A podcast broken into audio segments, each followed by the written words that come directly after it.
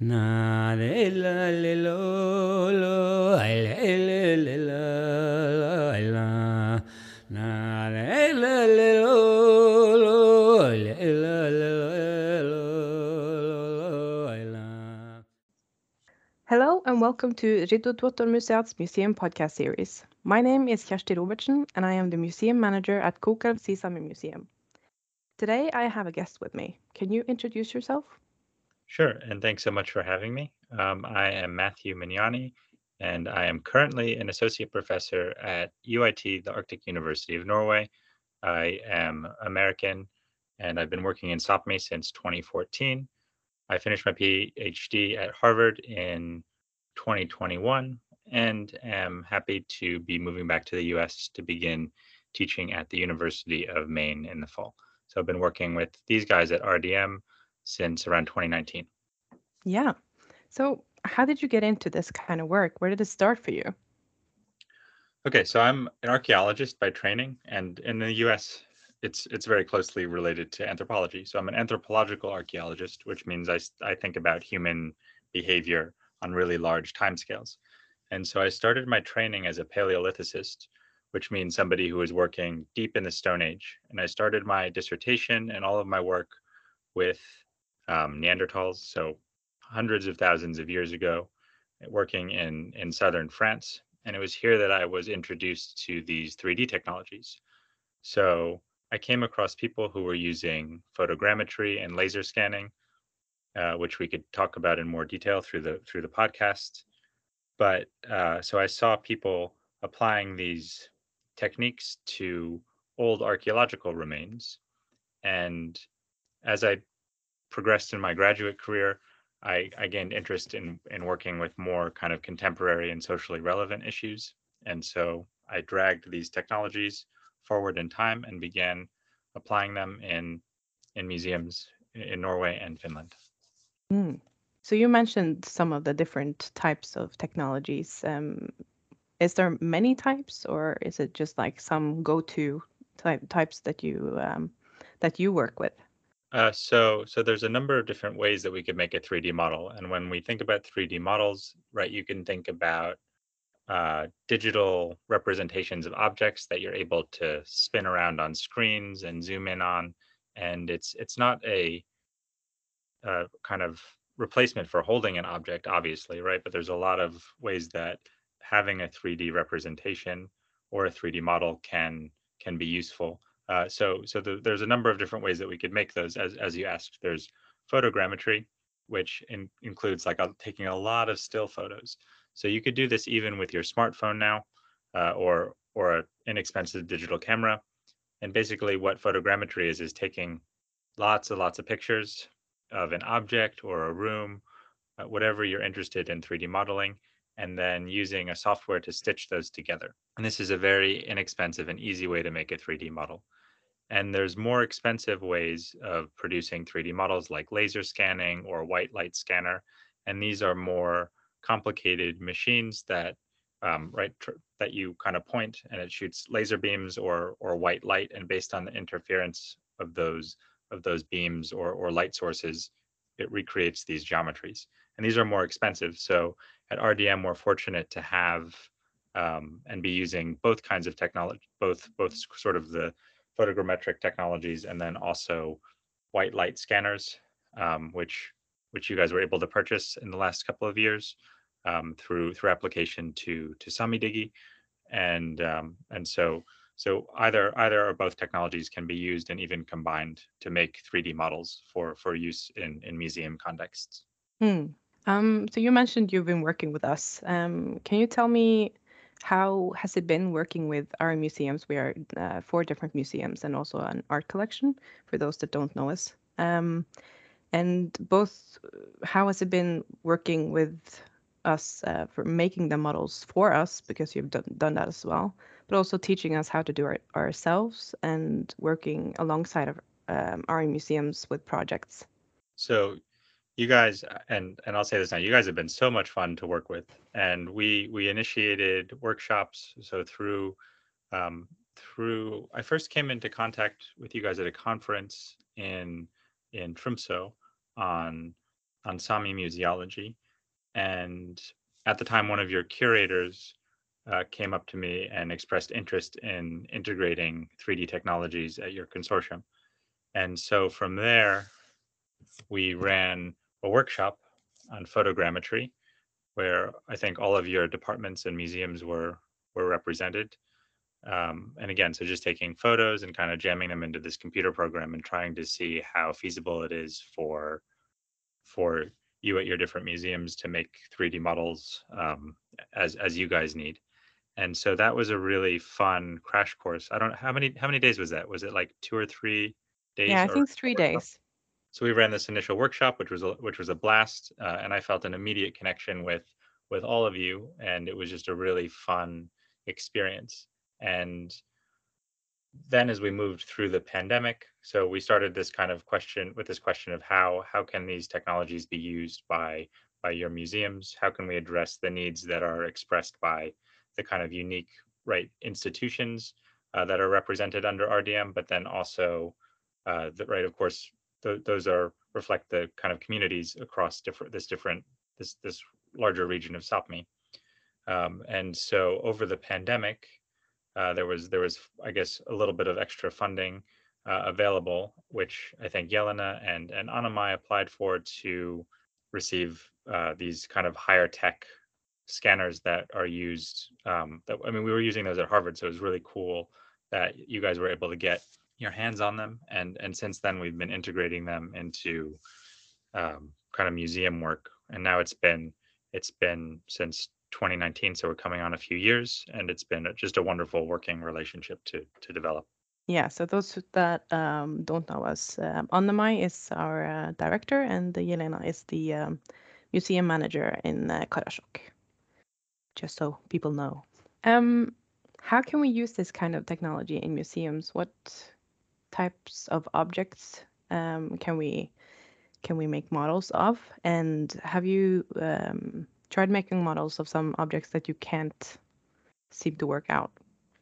Ooh, so this, this is a fun question, and, and you you are an expert. I'll have to give you credit for for being an expert at finding the most difficult materials. And so we've had a lot of fun, I think, together testing each technology with the different uh, types of materials. Mm. Um, so, for instance, each so each technology interacts with objects. So whether it's cloth, cloth of Gakti, or or wood or antler of of hard duodji, um, each technology interacts with the materials in very different ways. And so we've been trying to work out uh, from more of a right, an indigenous mu- museological perspective how these technologies can serve um, interest in local museums and communities. And um, so, so we've been we've been testing now and and are have been applying this in a number of different domains. One, I think we're really curious to see how uh, the 3D models we make can be useful for duojárat or, or artisans in in Sapmi.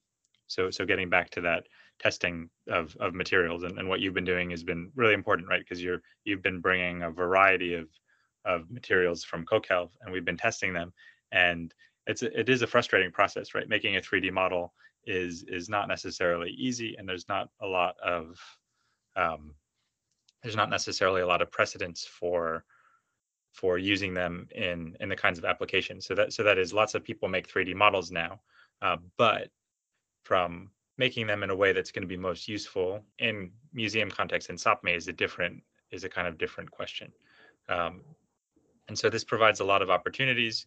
Um, the technology provides a lot of opportunities to reach into foreign institutions and collections, right? So this is one of the major ways that I've been thinking about this with with Jelena uh, Porsanger again. Um, she's been identifying uh, places where where they where where Sami material culture is held abroad, and then using the technology to to bring these materials, digital representations of these materials, uh, back into view in Sapmi. Um, and so it's never again it's never going to be a replacement for having the actual objects back and that's something that is really important to, to be clear about um, bringing back a digital representation is not is not uh, always going to be the goal right physical repatriation is often the kind of the, the crown jewel that, that should be sought in many cases um, though not all um, and so, but but this kind of begins dialogue. It begins a discussion on the history of of Sami collections and and the movement of Sami materials abroad.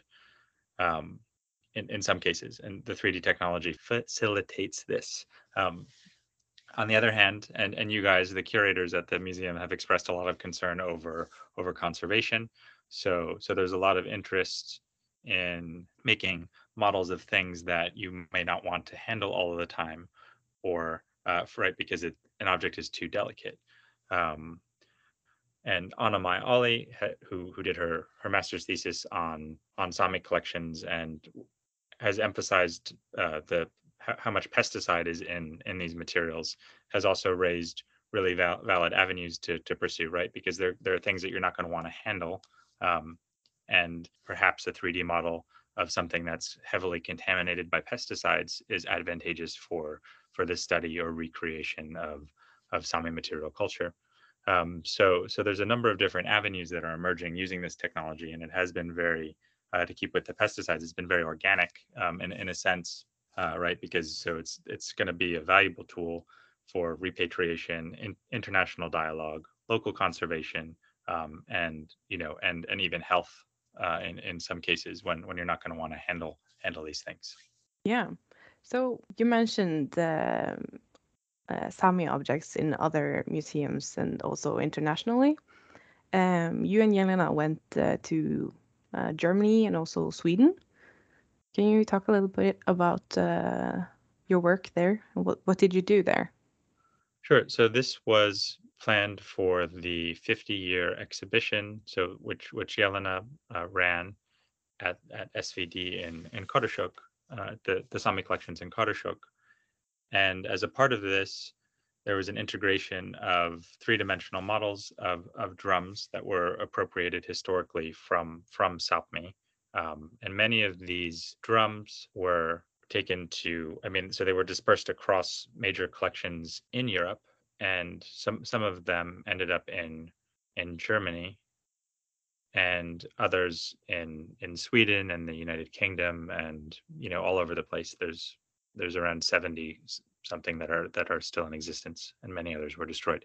And so while these drums were not physically in Sapmi, bringing back digital representations raises them to public consciousness and and sort of was integrated in this in this museum exhibition on the return of of the Sami drums and in the context again of of Anders Poulsen's drum which was which was signed over from from Denmark this year uh, fortunately after after 40 years of of being on on uh, on essentially long-term loan.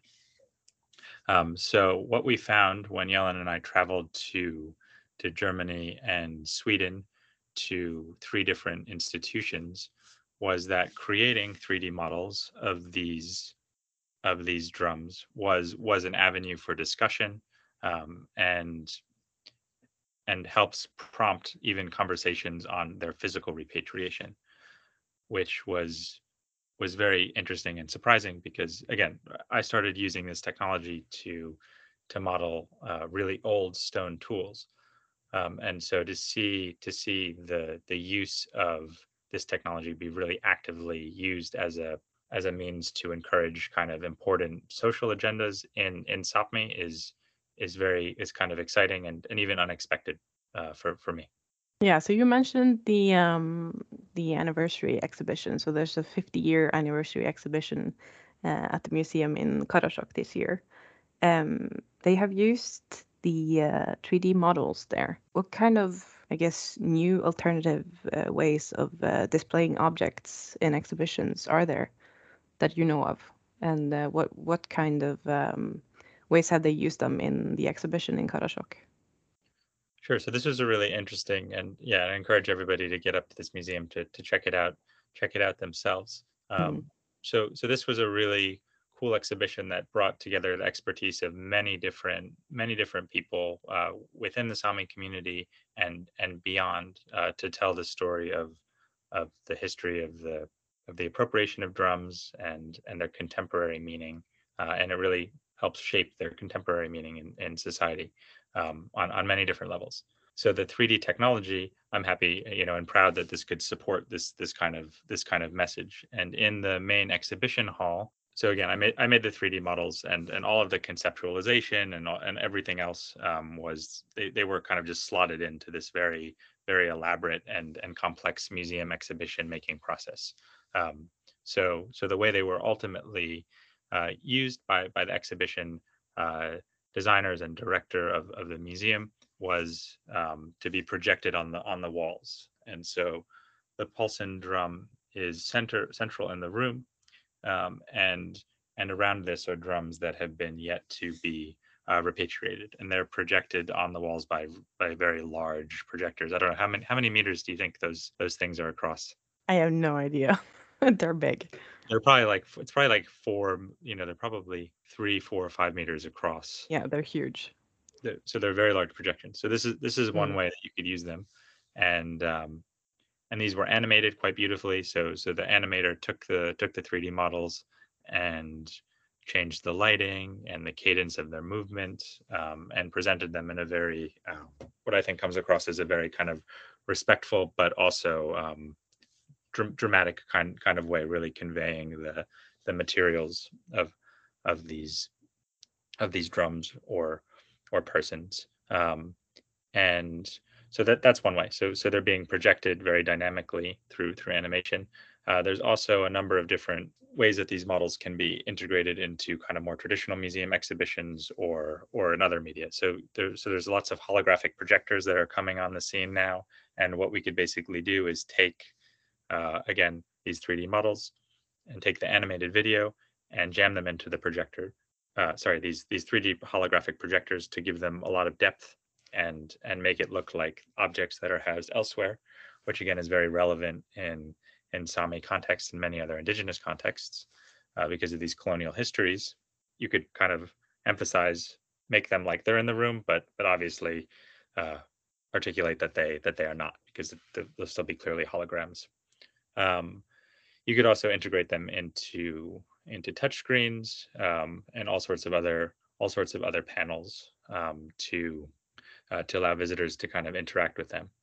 Uh, although this takes more kind of programming prowess, um, and and ultimately as well, right? So they could be used in presentation, uh, and we also want to be able to reach the the artisans who are actually recreating and and making making these materials in contemporary society.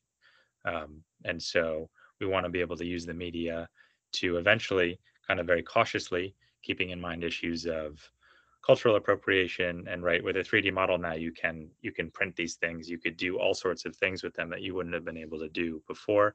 Um, so we want to get the use this technology to reach people who are using going to use them to support and you know and develop the culture in a sense. Um, although that's a, right that's a that's a maybe problematic word to use to to engage these materials um, on on Sami terms and and not uh, not misuse them. We don't we don't want them to end up being you know plastered on the design of a you know wh- whatever or, or printed out on on playing cards sold out sold for for five euros in in Rovaniemi. Um, so so there's a lot of ways that these can be used, um, and then also protecting against their potential misuse is also high on high on the agenda. Yeah. So you you just touched on um, one of the the cons. We we've talked a lot, uh, or you've talked about um, a lot of the pros of this uh, technology, but uh, there's also quite a lot of cons. So dangers with these um, with the data of these models. Can you talk a little bit more about that and why? Why is it bad um, if people print, say, an object from the Sami culture? So so right. So there so like like you said there we we started out with all of the positive positives and potentials and there's nothing inherently wrong with with 3D printing, right? Anything. Uh, but it's it's in the context of kind of right these these long-term histories of of appropriation of the material culture that we want to think about being very cautious moving moving forward. So in other words, um, right, we know when when we travel to um, these institutions that are housing um, Sami material culture, for instance, there's there tends to be maybe poor poor information off, often right on on these objects there's they're they're of course out of their cultural context and have been collected over a century and have trickled in over over many over over many many years. Um, so when objects are removed from their from their cultural context and and they oftentimes lack any any context in in many institutions or or are mislabeled and so on if if you then make these collections available um, for for 3d printing um, they can it might not always be appropriate from from the kind of descendant communities uh, perspectives. So so what we're working to do now is a kind of develop a kind of cautious approach to how these how these files should be used. Um, and it's it's not that that's that's not going to be appropriate in every context, but the the point that I try to make through my work is that it's very important to ask first. Um, so before before main, major museums make 3D models of of indigenous cultural heritage that that can be used in these ways, that it's very important to develop relationships um, with with these communities to understand the the potential pitfalls uh, or or dangers of doing so.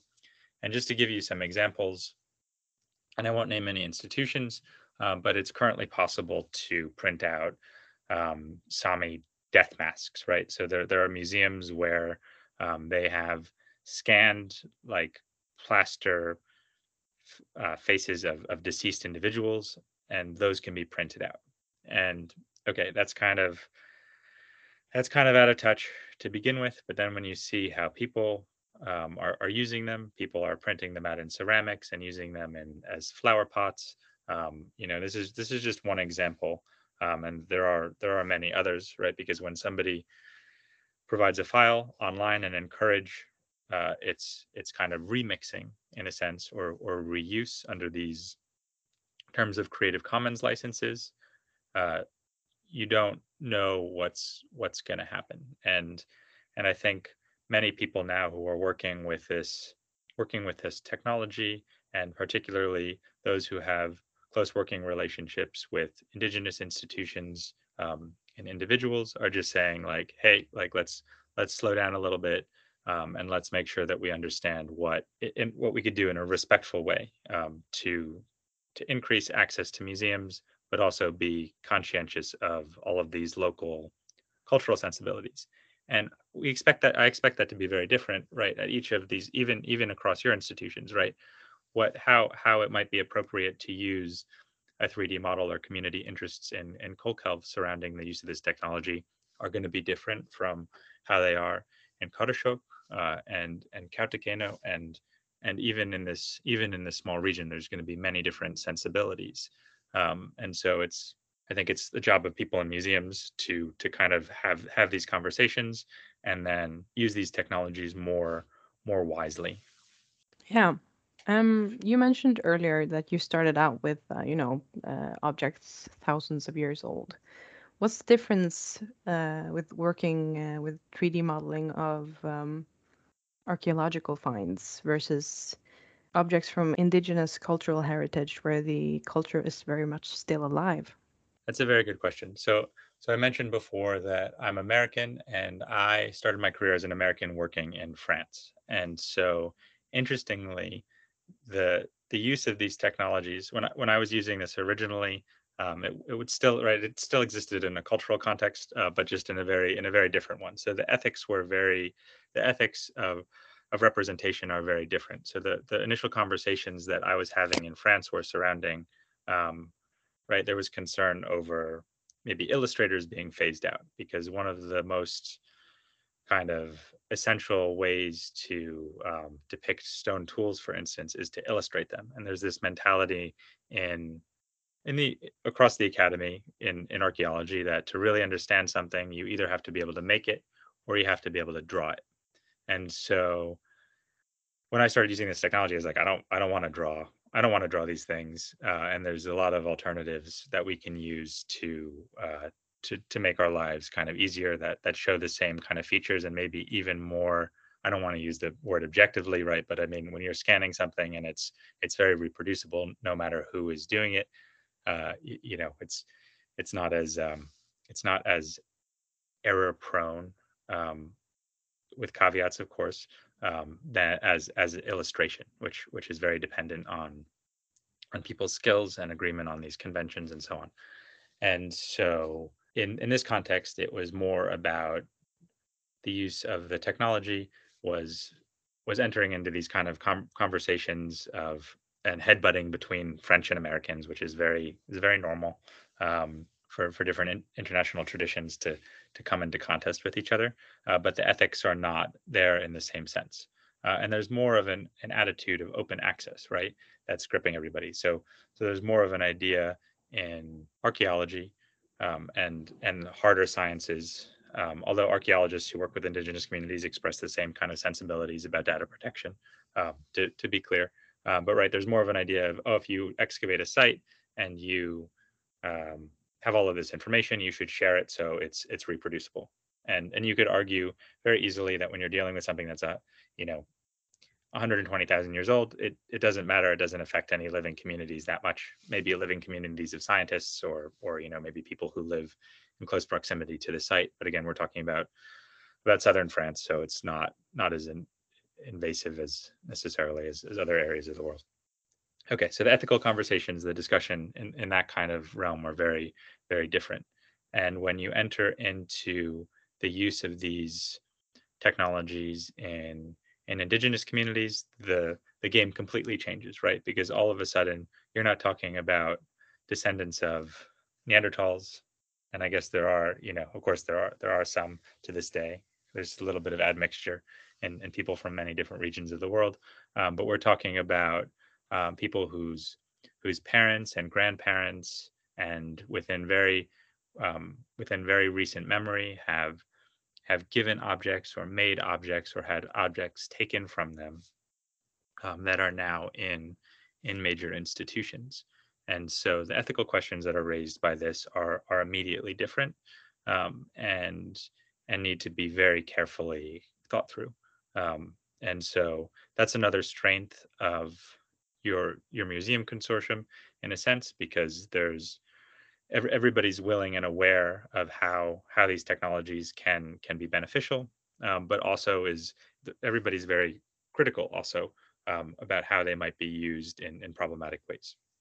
So these conversations on ethics are very important to to have um, and and to be led by, you know, so so I've been really fortunate to be working with so Jelena again, um, who's really taken taken the lead in in developing what it means to use these technologies to support indigenous uh, desires and goals um, in, on, on the level of institutions and, and communities.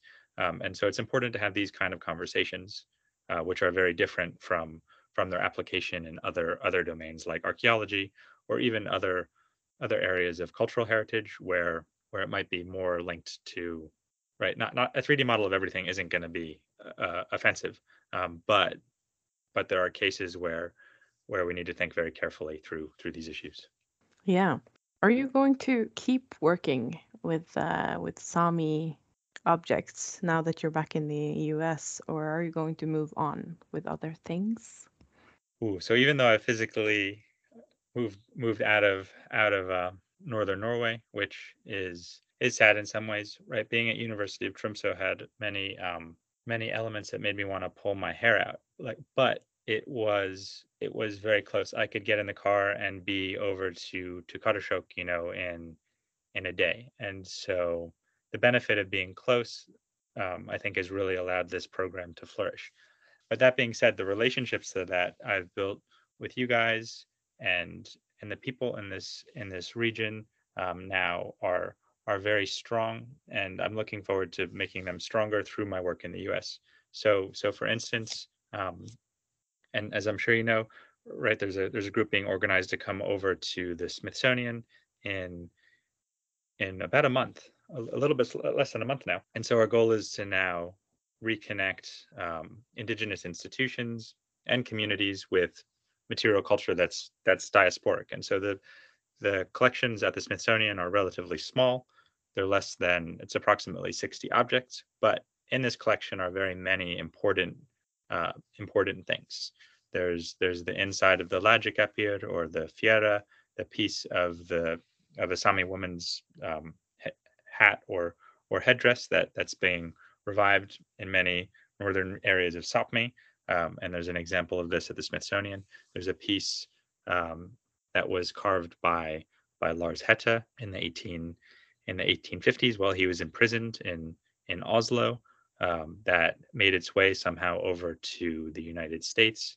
And so, just just as an idea of what what exists elsewhere, right? This is one institution. It's a very large American institution, but now one of the things that I'm going to begin to do while working from the U.S. is to is to begin conversations with all of these institutions uh, to build relationships and and also right see see what's there and just sort of begin this information finding process that that will lead to to to greater conversation and an exchange about, of information about issues like repatriation um, and then also best practices for this digital work that, that we've been talking about through this through this episode. Yeah, exciting. it's going to be a fun trip. Uh, yeah i mean it's going to be I, i'm i'm so thrilled. Washington dc in the summer is like a uh, we're all going to be like a puddle of sweat it's so humid it's so humid and uh, you know it's it's probably the worst time to go to Washington D.C. But we'll we'll see if anybody's if anybody's brave enough to wear their gakti. Yeah, they're probably gonna they're gonna be weighed down by like you know 50 pounds of extra water. Yeah, it will have to be a summer gakti. Even so, yeah. Yeah, yeah. It's going to be interesting to see what comes from this um, this visit to the Smithsonian in uh, in DC. It's going to be really interesting. Um, thank you very much for speaking with me on this very interesting subject, Matt. Yeah, no, thanks for thanks for hosting me, and we look forward to giving you more updates as this project develops with with RDM both in Sapmi and and abroad. Thank you. And to our listeners, uh, we will be back with a new podcast episode next week, which will be in Norwegian. Thank you for listening.